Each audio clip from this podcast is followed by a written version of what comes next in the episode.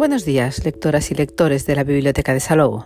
Os encontráis en el espacio Bibliosalou Radio, los podcasts bibliotecarios que os informan mensualmente de las novedades bibliográficas de la Biblioteca de Salou y que podéis seguir en Spotify y en nuestras redes sociales. Y empezamos este podcast con la información de las novedades de ficción del mes de noviembre, que podréis encontrar en la biblioteca el primer lunes del mes, en este caso el lunes 6. Y los miércoles es el día de la narrativa en castellano, así que hoy, 1 de noviembre, os presentamos las ocho novelas que encontraréis en las novedades de ficción en castellano del mes. Escuchad y tomad nota que empezamos. Para empezar las novedades de noviembre tenemos a Domingo Buesa, que vuelve a la ficción histórica para ofrecernos, en El secreto de la Catedral de Jaca, una apabullante lección de historia de Aragón, con su excelente dominio del lenguaje y su fértil imaginación, la novela cautiva y emociona desde sus primeras páginas. Es diciembre de 1062 y Ramiro I, rey de Aragón, anuncia la construcción de una catedral en Jaca que reforzará a la ciudad como capital del reino y centro de prosperidad. Durante años, las obras de la catedral marcarán la vida de un territorio que busca su expansión bajo el influjo de la Iglesia, el poder de los reyes y la ambición de los nobles un joven monje, Nicolás de Ordovés, sale del monasterio de San Juan de la Peña con destino a esa jaca en evolución.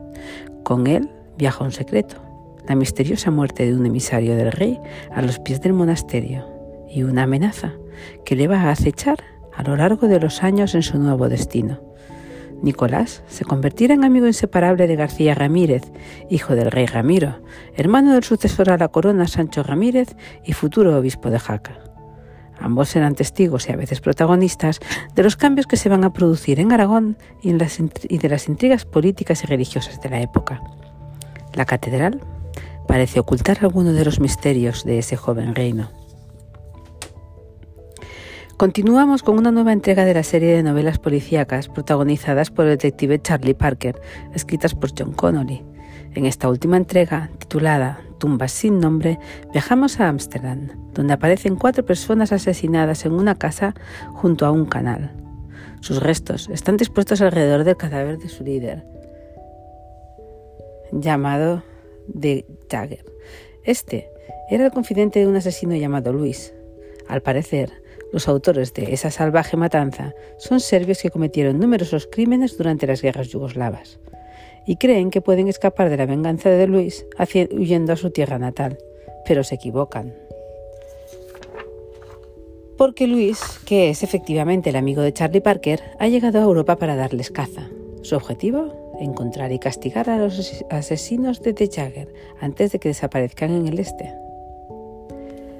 También vuelve este mes el mejor Follett, con la emocionante quinta entrega de la saga Los Pilares de la Tierra, en la armadura de la luz nos trasladamos a 1792. Un gobierno tiránico está decidido a convertir Inglaterra en un poderoso imperio comercial. Las innovaciones industriales se imponen de manera implacable, sacudiendo las vidas de los trabajadores de las prósperas fábricas textiles de Kingsbridge. Se abre un mundo de nuevas y liberadoras oportunidades, ligado, sin embargo, a la crueldad más despiadada. La rápida modernización, con sus flamantes pero peligrosas maquinarias, está dejando obsoletos muchos trabajos y desgarrando a las familias. Y a medida que el estallido de un conflicto internacional parece cada vez más cerca, la historia de un pequeño grupo de personas de Kingsbridge se convertirá en el símbolo de la lucha de toda una generación que desea progresar y pelea por un futuro sin opresión. Y ahora que nos acercamos a Halloween, presentamos la nueva novela del rey del terror, Stephen King. Recuerda a joyas como Misery y cuenta con un personaje muy querido por sus fans, Holly Gibney, la detective privada que por primera vez protagoniza una novela en solitario que se titula como ella misma, Holly. Cuando Penny Dahl contacta con Finders Keepers para que le ayude a encontrar a su hija, algo en la voz desesperada de la mujer hace que Holly Gibney se vea obligada a aceptar el trabajo. A poca distancia del lugar en el que Bonnie Dahl desapareció, viven los profesores Rodney y Emily Harris. Son la quinta esencia de la respetabilidad burguesa, un matrimonio octogenario y dedicado de académicos semi-retirados. Nadie diría que en el sótano de su impecable casa, forrada de libros, esconden un secreto directamente relacionado con la desaparición de Bonnie.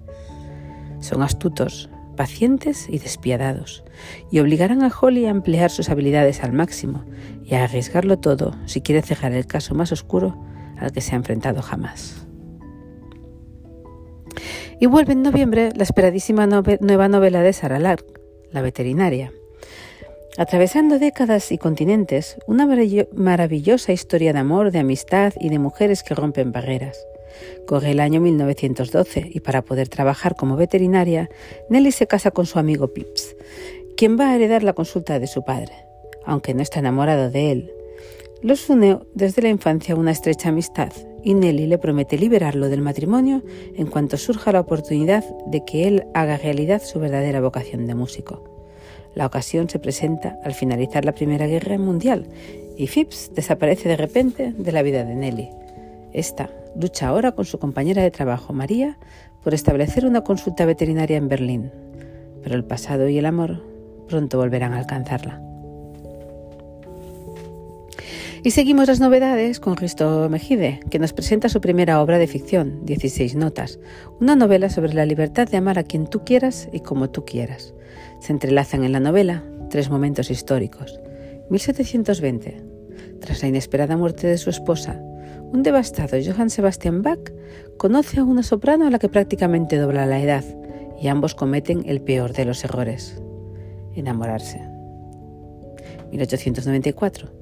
Durante la exhumación de los huesos de Bach se produce una misteriosa desaparición que desata la ira de una sociedad secreta y la sospecha de un asesinato.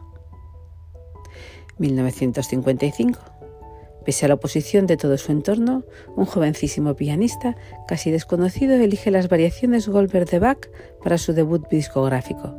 El pianista es Glenn Gould y la grabación marcará la historia de la música.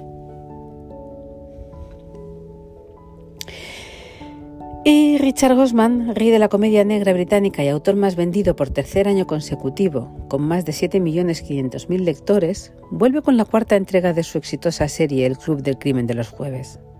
En El último morir, el cuarteto de investigadores setentones que forma el Club del Crimen de los Jueves se ha reunido para celebrar las fiestas, esperando disfrutar de unos días de descanso y relax en buena compañía. Pero cuando un negocio de drogas se tuerce inesperadamente y el cuarteto acaba ante un cadáver en un coche abandonado junto a cinco botes de heroína robados, parece que el nuevo año no será tan pacífico como esperaban. Los miembros del club saben bien que para atrapar a un ladrón se tiene que pensar como un ladrón, y por suerte conocen muy bien a la persona que necesitan para el caso. Aunque el tiempo corre en su contra y los dueños legítimos de las drogas pronto darán con ellos en Cooper's Chase. ¿Se les habrá acabado la suerte a nuestros intrépidos investigadores? Y por último tenemos entre las novedades de noviembre la nueva novela de Arturo Pérez Reverte, El problema final. Junio de 1960. Un temporal mantiene aisladas en la idílica isla de Utacos frente a Corfú a nueve personas alojadas en el pequeño hotel local. Nada hace presagiar lo que está a punto de ocurrir. Edith Mander, una discreta turista inglesa aparece muerta en el pabellón de la playa. Lo que parece un suicidio revela indicios imperceptibles para cualquiera, salvo para Hopalong Basil, un actor en decadencia que en otro tiempo encarnó en la pantalla al más célebre detective de todos los tiempos. Nadie como él, acostumbrado a aplicar en el cine las habilidades deductivas de, este, de Sherlock Holmes, puede desentrañar lo que de verdad esconde ese enigma clásico de habitación cerrada en una isla de la que nadie puede salir y a la que nadie puede llegar. Inevitablemente todos se acaban convirtiendo en sospechosos, en una fascinante novela problema, donde la literatura policial se mezcla de modo asombroso con la vida. Y hasta aquí el podcast de hoy en el que os hemos hecho un pequeño repaso de todas las novedades de narrativa en castellano que estarán, como siempre, disponibles para vosotros, lectoras y lectores de la Biblioteca de Salou, el primer lunes de noviembre. Que tengáis muy buen día y muy buenas lecturas que os acompañen en el día a día.